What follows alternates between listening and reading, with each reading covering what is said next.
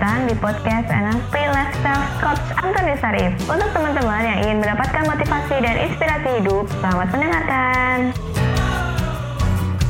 Halo teman-teman, kembali lagi di YouTube channel Panduan Hidup dengan NLP dengan saya Karin dan kali ini kita akan membahas uh, pasti teman-teman ada salah satu trauma di masa kecil. Jadi bagaimana sih cara mengatasinya dengan NLP? Nah, sehat coach? Sehat, sehat. Kita lama udah nggak rekaman nih coach. Iya kemarin kebetulan uh, sempat apa sempat dirawat. Iya. Rawat ya. Ya istirahat, mesti istirahat dulu, mesti istirahat. Kebanyakan bikin konten. ya, tapi sebelumnya kita simak yang berikut ini. Sebelum Anda lanjut nonton video ini, silakan Anda subscribe, like, dan share kepada teman-teman Anda sehingga channel ini bisa bertumbuh. Ya, kali ini kita akan membahas itu coach. Gimana, Gimana, gimana? sih uh, kan kadang kita kalau kecil tuh pernah trauma gitu ya coach. betul, betul. Ah, nah, cara mengatasinya dengan NLP itu gimana sih? Ah, ini menarik nih. Jadi eh, betul setiap orang pasti pernah mengalami trauma. Bahkan orang kaya maupun orang susah pasti pernah ngalamin trauma. Nggak ada yang enggak. Tetapi sebelum kita membahas trauma, coba kita membahas dari satu sudut dulu nih ya, Karin. Kenapa sih seseorang bisa menjadi trauma? Orang menjadi trauma karena dia karena namanya manusia hidup itu pasti ada persepsi. Ada persepsi. Jadi misalkan contoh, ayah kita marah, kita mempersepsikan seakan-akan dia itu sebel sama kita, tapi dia sayang sama anak adik eh, kakak kita atau adik kita. Betul kan? Kadang-kadang kayak gitu. Atau ayah kita suka memuji atau orang tua kita suka memuji adik kita atau kakak kita. Kita nggak pernah dipuji. Jadi seakan-akan kita dituntut. Nah, itu pasti akan membuat orang menjadi trauma akan membuat dia berasumsi kayaknya gue nggak dicintai deh, gue nggak disayang. Mulailah muncul problem-problem itu yang pertama. Atau yang kedua ada contoh, kayak aku ambil contoh dari sudut aku aja ya, aku aja yang paling gampang deh Karin. Waktu aku kecil, eh, saya itu kalau ada orang yang manggil koh itu pasti saya emosi, saya marah. Lah, sedangkan orang lain kalau dipanggil ko Chinese, eh, panggil ko, dia pasti happy, senang-senang aja. Tapi buat aku nggak bisa tuh Karin. Itu buat aku tuh jadi kayak kayak lu ngajakin gue ribut ya, lu ngajakin gue berantem ya. Nah mungkin yang teman-teman di sini pasti nanti akan komentar, emang kenapa? Ya buat saya itu adalah sebagai sebuah penghinaan. Nah ini menarik. Kenapa seperti itu? Karena ayah saya memang mengajarkan tidak boleh ngomong tentang koh-koh gitu nggak boleh. Jadi kita manggil kakak pun juga cuma manggil nama. Jadi gitu kan Karin juga tahu kan, adik saya juga nggak pernah manggil saya kakak gitu nggak pernah kan, manggilnya nama doang kan gitu ya, atau pak gitu kan ya. Nah karena memang di ajaran keluarga kita tidak ada seperti itu. Nah pertanyaan menarik, kenapa saya menganggap itu menjadi sebuah trauma, menjadi membuat saya itu problem lama loh, sampai akhirnya saya belajar banyak untuk cuman menghilangkan kalimat itu. karena buat saya seakan-akan seseorang yang keturunan Chinese itu adalah seperti kalau saya yang lihatnya di sudut saya seperti penyakit lepra. Semua orang benci, semua orang nggak suka, semua orang kayaknya ngajakin berantem. Itu yang terjadi bahkan kayak naik bus pun nanti kalau nggak dipalakin, terus kalau tau palak ya, dipalakin, dipukulin, macam-macam dan sebagainya itu yang saya alami. Nah tetapi yang menariknya adalah ketika saya belajar NLP, ternyata ada satu teknik yang sederhana yang bisa ngebantu menetralkan untuk otak kita supaya lurus. Kalimatnya adalah yang namanya reframing. Reframing itu teknik sederhana banget. Jadi reframing itu kita bisa melihat uh, kalau istilah reframing itu ada istilah konten dan konteks. Jadi dalam konteks apa kejadian itu berguna atau dalam apa sih maksud baiknya konten itu gitu? Apa sih maksud baiknya perila, uh, kejadian itu maksud baiknya apa? Contoh-contoh. Kok baru pulang? Nah apa sih maksud baiknya orang itu? Ngomong kok baru pulang? Menyapa. Iya benar. menyapa ya? Maksudnya baik Ya. menyapa. Tapi buat saya itu penghinaan Kenapa gitu coach? Ya itu tadi karena ajaran dari keluarga saya yang mengatakan bahwa seakan-akan eh, kita tuh nggak boleh dikenal sebagai orang keturunan Chinese nggak boleh, gitu. Sampai sini oke?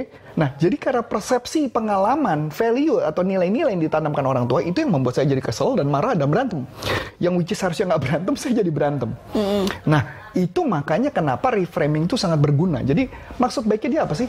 Maksud baiknya dia kan adalah menyapa saya. Iya, biar ada interaksi. Betul. Nah, kalau konteks dalam konteks apa panggilan koh pulang itu berguna? Dalam konteks apa? Berguna kalau eh, saling ngobrol jadi biar Saling lebih akrab. ngobrol. Nah, berarti pertanyaannya itu jahat apa enggak? Enggak sih, coach. Positif ya? Iya, positif. Tapi kenapa ketika kita menghadapi situasi itu nggak bisa positif? Iya. Nah, itu karena pengalaman-pengalaman persepsi pengalaman di masa lalu yang membuat kita seperti itu. Contoh lagi, orang tua orang tua kita menuntut kita untuk dapat nilai bagus. Buat kita negatif loh. Nah, ini ada cerita menarik ya. Eh, kebetulan saya ada satu tok, bukan satu toko ya. Salah satu youtuber lah yang terkenal, tapi saya nggak mau sebut namanya siapa. Youtuber terkenal itu s- eh, sempat heboh karena dia bikin cerita yang heboh, melakukan tindakan-tindakan yang menurut kita, menurut kita itu nggak masuk akal. Nah, kebetulan anak muda ini pernah punya pacar dan putus sama pacarnya dan itu sempat heboh. Harusnya Karin juga ngerti itu siapa orang itu. Dan yang menariknya lagi, si dia putus pacarnya dan dia pernah masuk penjara karena narkoba.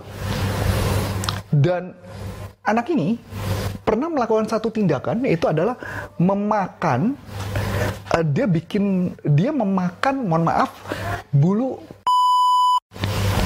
Ceweknya. saya nggak tahu. Cewek apa cowok saya nggak tahu. Pokoknya disebut itu. Ya ini kan kalimatnya kasar kalau ngomong gitu Iya. ya. Terus kalau kita tanya kenapa sih dia melakukan itu? Dia bilang gue hanya mau melakukan sesuatu yang berbeda aja. Yang orang-orang tidak lakukan gue lakukan. Nah menarik ya ketika ditanya.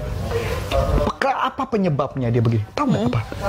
Tahu dia cerita ternyata orang tuanya mereka tuh cuman hanya menuntut saja dari anak itu. Misalkan contoh anaknya dapat nilai bagus. Anaknya katanya belajar apa berkaitan dengan IPA lah, ilmu pengetahuan itu dan anak ini sempat kuliah dan sempat berantakan hidupnya, orang tuanya udah kacau dan sebagainya. Dia bilang, "E, Pak, aku dapat nilai bagus misalnya. Ma, aku dapat nilai bagus. Tahu nggak apa omongan orang tuanya?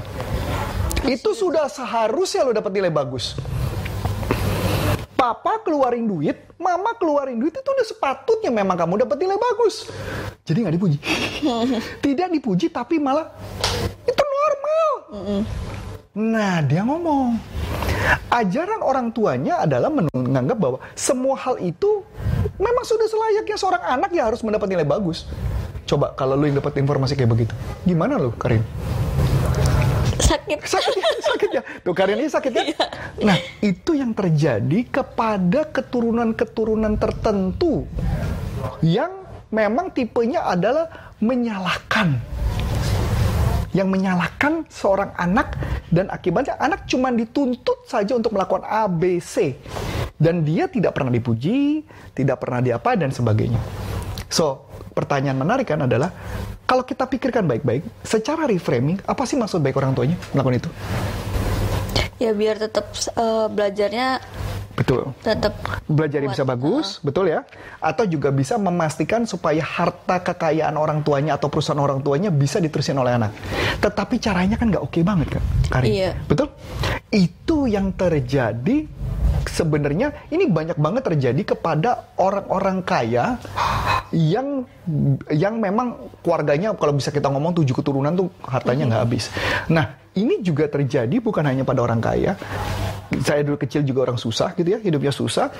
Tetapi itu juga terjadi pada hidup saya dan saya yakin juga Karin pasti pernah punya pengalaman-pengalaman seperti itu, betul nggak Karin? Iya. Nah, jadi cuman hanya kata kuncinya adalah melakukan yang namanya reframing. Kita mengecek apakah dalam maksud positif apa dia melakukan itu dan atau dalam konteks apa perilaku itu berguna. Makanya itu seperti itu Karin. Wah berarti menarik ya coach ke kalau kita harus bisa mereframing apa maksud orang Betul, itu maksud baiknya, begitu. tujuannya, iya, betul. Tapi kalau kita udah eh, misalkan kita dikatain gendut, Hmm. itu kan nggak tahu maknanya itu positif apa negatif coach. Nah, pertanyaan menarik. Karena ada orang ya, dia ketika mengatakan kamu eh, kamu gendut gitu ya. Tapi ada orang yang pemikirannya selalu positif. Jadi dikatain gendut, eh makasih. Lah, aku makasih. Lu kok makasih? Jadi artinya seakan-akan itu sebuah pujian. Jadi menarik eh gini deh. Saya mau cerita juga satu artis lah ya. Satu artis. Ini menarik sih, ini menarik. Jadi artis ini eh, Karin juga harusnya tahu dia DJ yang baru saja beberapa waktu yang lalu menjual pakaian dalam pakaian dalam dia. Pernah denger nggak? Iya. Ah, tahu ya siapa ya orang ini ya? Menjual pakaian dalam dia yang katanya habis bekas dipakai dijual 50 juta dan dibeli pula. yang beli adalah orang yang punya pacar. Gila sih intinya. Dan menariknya, ini orang otaknya positif loh. Tahu positifnya apa? Jadi di- dia kalau mama di, misalkan ditanya gitu ya, ke- dia ditanya misalkan eh, kamu cantik apa pintar? Gitu ya. Pasti dia jawab, aku nggak cantik dan aku juga tidak pintar. Nah, ketika ada orang mengatakan, eh kayaknya kok kayaknya kamu nggak langsung nangkep ya, dan dia jawabnya santai, memang aku agak on. Nah lo, keren nggak lo? Iya. Positif ya? Iya. Nah, itu adalah sebuah teknik yang dilakukan oleh, eh, kalau saya mengatakan itu ada teknik stoik atau filosofi teras, yang di mana dia menggunakan teknik adalah mendeskripsikan, mende, di- apa ya bahasa mendeskreditkan diri kita sendiri seakan-akan lebih rendah. Jadi kalau misalnya, ih kok kayak kamu gemuk kan ya? Makasih, ya memang aku lagi banyak makan bergizi nih. Dia pasti stres tuh kalau denger omongan begitu tuh. Dia bilang, ini orang gila kali ya. Gue udah ngomong maksudnya, eh lo malu badan lo gemuk. Terus dia bilang, "Nggak, makasih. Ya, ya. Iya. Ini karena berkat aku belakangan ini banyak makan-makan sayur-sayur. Oh, Sinti gitu kan gitu. Tapi itu menjadi positif. Jadi makanya kenapa kalau kalau ada orang gitu ya kayak dulu gitu ya ada orang liatin mata saya. Jadi eh, eh, biasanya yang, yang sering ngomong anak-anak gitu ya. Matanya kenapa buta om ya? Iya aku buta nih om memang buta dari. Jadi santai.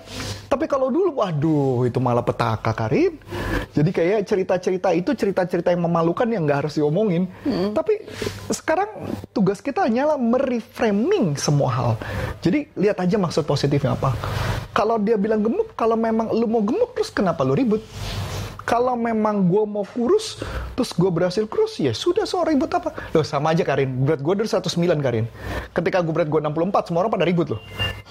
Sampai heboh loh di media sosial dan Iya. bahkan sampai di YouTube pun ada yang ngomong loh. Kok Coach Arif kayaknya sakit ya, kok badannya kurus ya, bagusan dulu. Ada yang bilang, Coach bagusan dulu, Coach gantengan dulu. Terus gue bilang, terus manfaatnya buat lu apa kalau gue ganteng? Nggak ada manfaatnya, orang gue udah punya istri tuh. Terus manfaatnya apa? Iya. Nah itu maksudnya. Jadi nggak ada guna ketika mereka mengatakan Coach Arif lebih ganteng ketika dia gemuk. So what gitu loh. Kemarin juga sama tuh di TikTok saya barusan ada yang ngomong tuh. Kok kayaknya lebih kurus ya? Iya terus kenapa kalau kurus? Problemnya di mana? Iya. Yang kurus gua kok, yang gemuk juga kita. Terus kenapa apa yang mesti dipusingin Karin? Berarti kita nggak usah mengkhawatirkan sesuatu yang Betul. tidak harus dikhawatirkan ya. Ngapain mengkhawatirkan ketika ada seseorang mengatakan lu gemuk? Tinggal lu ngatakan, iya memang nih gue makannya lagi agak banyak nih, gue lagi happy. Selesai. Betul dong? Nanti, nanti kalau lu kurus, lu bilang lagi nggak nggak happy. Siapa bilang juga kalau kurus gak happy? Tapi kalau udah misalkan kita di depan bisa bilang makasih, tapi kadang tuh kepikiran gitu. Hmm. Nah itu makanya mesti di reframing. Ya, gitu. Nah ketika sudah di belakang, tugas kamu mereframing. Oh. Jadi kamu bilang gini, wajar lah gue gemuk lah. Belakangan ini memang gue lagi makan enak, ya wajar lah. Masih muda. Kan katanya Coach Arif katanya sampai umur 35. Just enjoy aja. Sama aja kayak teman kita yang juga dulu di YouTube kan, Iren. Iren juga dulu gemuk, terus juga dia happy kok. Terus ketika sekarang dia kurusan ya, kemarin dia kurusan sama aja. Jadi maksud gua hidup ya Ya gitu aja. Terus ngapain pusing? Gemuk kurus. Ya apalagi gemuk kurus eh, Tinggi pendek. tinggi pendek putih, atau gelap. Terus apalagi yang mau diributin dalam hidup kita? Iya. sama aja kayak gue tadi mengatakan eh, kok? Lah gue kok bisa emosi gitu. Padahal sesuatu hal yang menurut kita harusnya nggak emosi. Bener. Yang paling berat adalah ketika selesai. Iya. makanya ketika selesai maka kita harus membuat diri kita jadi lebih positif dengan mengatakan adalah apa maksud positif dari kejadian ini yang membuat otak kita jadi lebih positif sih makanya kalau buat saya kayak contoh ya kebetulan tim saya kemarin kayaknya baru dapat penolakan kayaknya dia gagal kelihatannya sih dia agak geser sedikit sih geser sedikit tapi gue lihat dia udah mulai naik lagi cuman gue bilang nggak apa-apa lah tugas kamu emang mendapat banyak penolakan karena memang kalau kayak gitu kan otak kita jadi positif ya Iya. eh iya ya gue harus banyak banyak penolakan ya jadi positif Iya. nah itu maksudnya yang diambil Oke. Eh, mungkin topik kali ini udah ya kecil. iya iya udah banyak nih panjang Iya, untuk kita tuh ah nggak apa-apa gendut. Kita Ya, makanya iya. bergizi. maka bergizi kok dari panduan hidup dengan NLP eh, dan NLP Leadership Indonesia sampai jumpa bye bye Nah, untuk teman-teman yang sudah menerangkan, terima kasih ya dan nantikan podcast selanjutnya.